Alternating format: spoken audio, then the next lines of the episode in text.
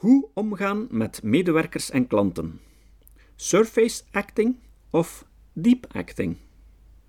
Een ander groot misverstand is dat leidinggevenden van het middenkader altijd in staat moeten zijn zich te scharen achter de beslissingen van bovenaf, ook al zouden zij het in wezen sterk oneens zijn. Los van het feit dat het voor de meeste mensen enorm veel emotionele arbeid kost om hun werkelijke emoties te onderdrukken, is het bovendien zeer moeilijk te verbergen wat je werkelijk denkt en voelt. Deze emotionele arbeid is het moeilijkst wanneer we gevoelens moeten tonen die we op dat ogenblik niet hebben, of die zelfs tegenstrijdig zijn. Dit is een van de meest energieverslindende taken voor ons brein. We moeten dan een stukje acteren, en niet iedereen is daar even goed in. Veel mensen hebben wel eens gehoord van het onderzoek van Albert Mehrabian, 1972-1981. Hij trachtte te achterhalen hoeveel invloed de diverse componenten van onze interpersoonlijke interacties in de gesproken taal hebben. Zijn werk wordt jammer genoeg vaak fout geciteerd. De bevindingen die hierna beschreven zijn, betreffen alleen maar de gesproken communicatie waarbij gevoelens, feelings, worden overgedragen, of uitingen van houden van of niet houden van, like or dislike. Verdere claims maakte Merhabayan niet. Voetnoot. Albert Murbahein meldt hierover zelf op zijn website. Please note that this and other equations regarding relative importance of verbal and nonverbal messages are derived from experiments dealing with communications of feelings and attitudes. Like dislike. Unless a communicator is talking about their feelings or attitudes, these equations are not applicable. Einde voetnoot. In experimenten waarbij er bewust inconsistenties werden ingebouwd tussen drie componenten, voetnoot, woordgebruik, stemgebruik en lichaamstaal, einde voetnoot, stelde hij vast dat de gebruikte woorden voor 7% van het effect zorgden, de paralinguïstische component, stemgebruik zoals intonatie, volume, snelheid, geluiden, voor 38% en onze lichaamstaal, houding, gebaren en gelaatsexpressie, voor 55%.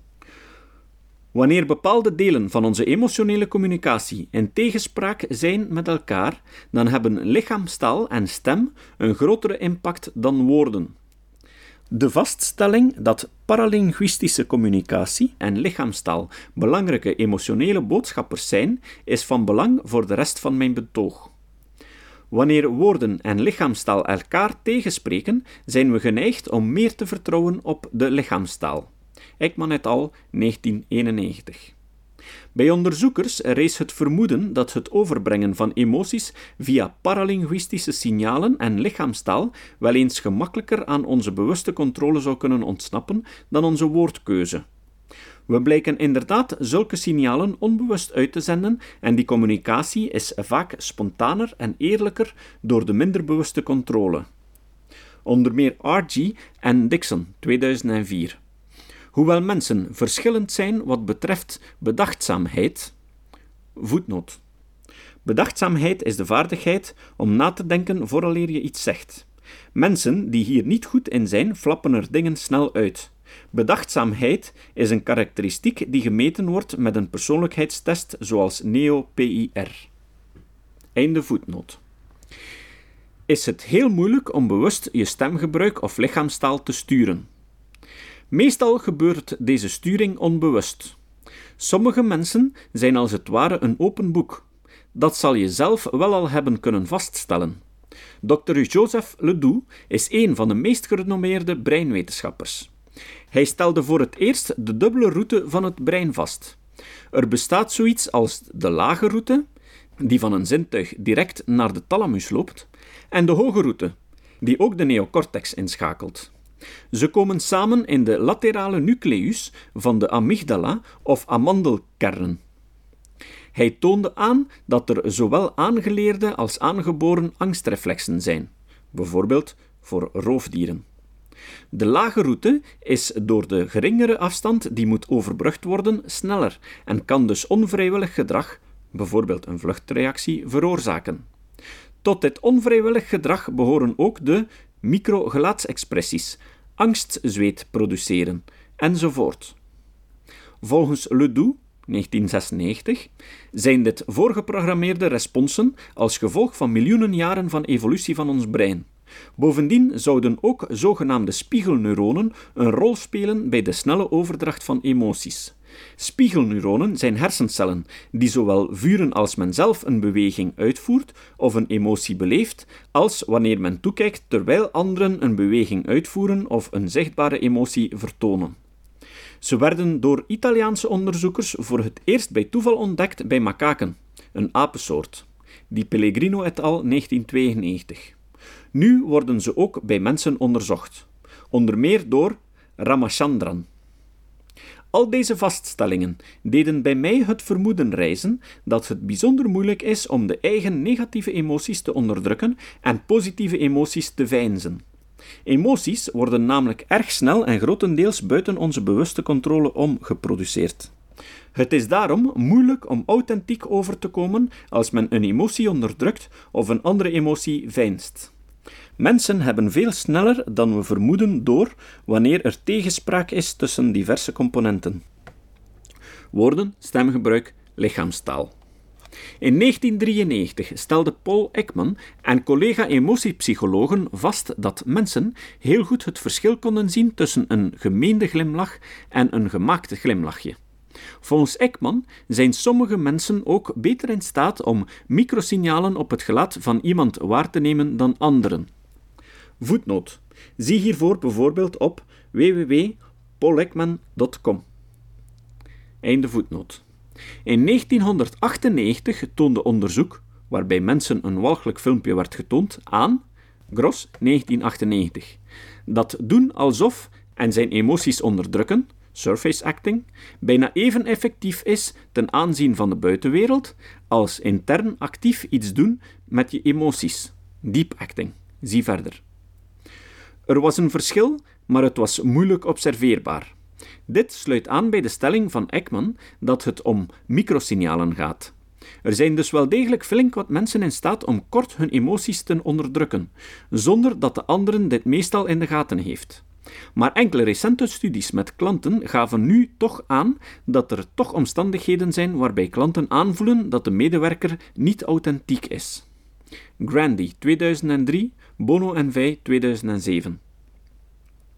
Mijn vermoeden dat het voor iedereen moeilijk is om emoties langdurig te veinzen, werd dus nog niet hard gemaakt in wetenschappelijk onderzoek. Maar als je als klantenbeheerder of leidinggevende je emoties zichtbaar onderdrukt, heb je een paar problemen. Ten eerste kan niet authentiek overkomen leiden tot verlies aan vertrouwen. Als er een risico bestaat dat je leugentje om best wil uitkomt, is het verlies aan vertrouwen bijna zeker. Omwille van het voorzorgsprincipe geef ik dan ook de raad om niet te gokken. Ik zeg aan de leidinggevenden altijd dat ze er eerst grondig moeten over nadenken.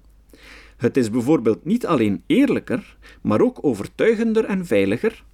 Stel dat je niet zo goed je emoties kan verbergen, om bijvoorbeeld tegen je medewerkers te zeggen: Ik begrijp jullie ongenoegen en verrassing, en ik geef grif toe dat ik het er ook een tijd lastig mee heb gehad. Het is dus jullie goed recht om even verbaasd en emotioneel te reageren als ikzelf. Ik wil jullie toch meegeven dat dit ook een deel van het leven is. We kunnen het niet altijd volledig eens zijn met de visie en men zal niet altijd luisteren naar onze bezwaren. Ik heb voor mezelf uitgemaakt dat ik mij loyaal achter deze beslissing wil scharen en ik wil jullie vragen om hetzelfde te doen.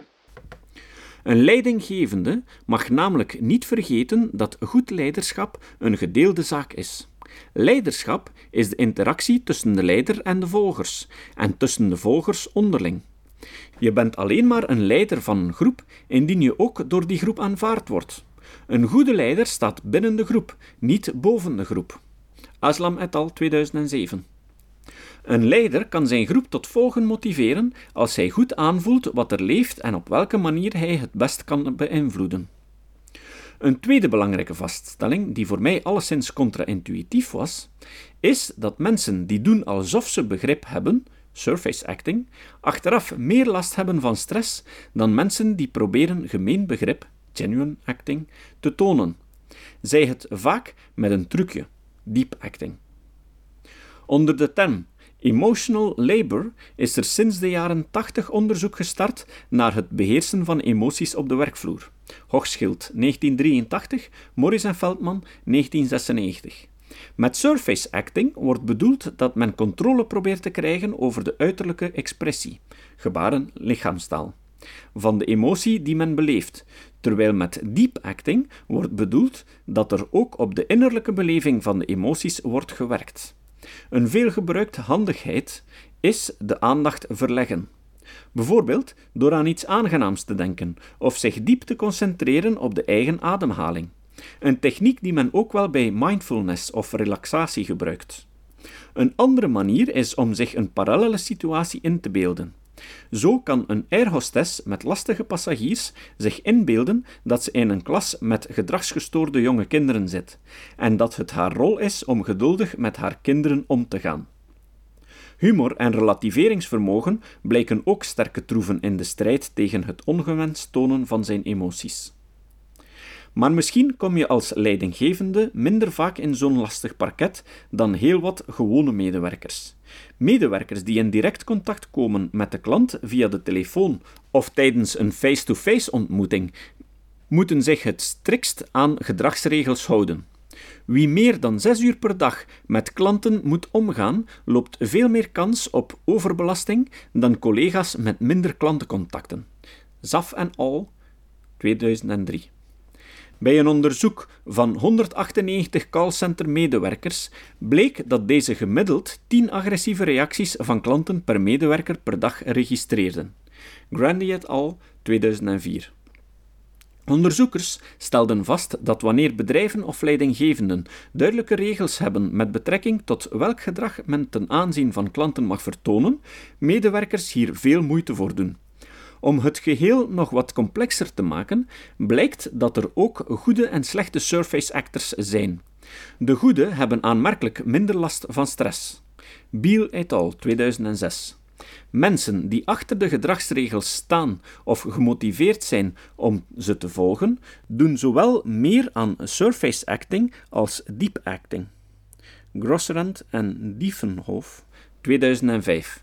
Met andere woorden, wanneer bedrijven de tijd nemen om hun medewerkers op te leiden, om hen tot bepaalde inzichten, bijvoorbeeld positieve gevolgen van hun gedrag, te laten komen, wordt hun motivatie verhoogd en hebben ze minder last van stress.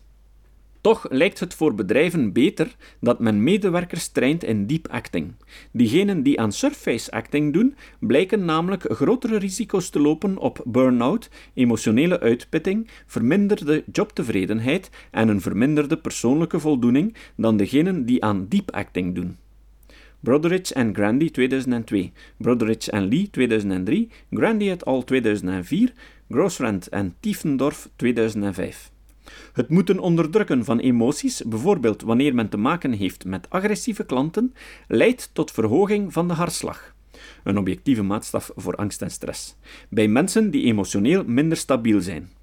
Bono en Vij 2007. Momenteel wordt volop onderzocht hoe het komt dat sommige personen slechter zijn in deep acting dan anderen, omdat dit toch veel meer voordelen oplevert. Enkele onderzoekers stelden recent vast dat mensen die aan surface acting doen, meestal emotioneel niet zo stabiel zijn, maar ook minder extravert en conscientieus. Mensen die aan deep acting deden, bleken extraverter en vriendelijker. Dit werd vastgesteld op basis van een persoonlijkheidsvragenlijst. Ook met een vragenlijst over emotionele intelligentie. Voetnoot. Alhoewel er op de vragenlijst over emotionele intelligentie heel veel kritiek bestaat wegens de lage betrouwbaarheden. Einde citaat. Stelde men dergelijke verbanden vast. Mensen die goed de eigen negatieve emoties konden reguleren en die van anderen inschatten, waren beter in deep acting. Austin et al. 2008. Ook dit werd in andere recente studies bevestigd. Mensen met eerder negatieve gevoelens hebben meer stress dan mensen die eerder optimistisch van aard zijn. Bono en Vij 2007, Liu et al. 2008.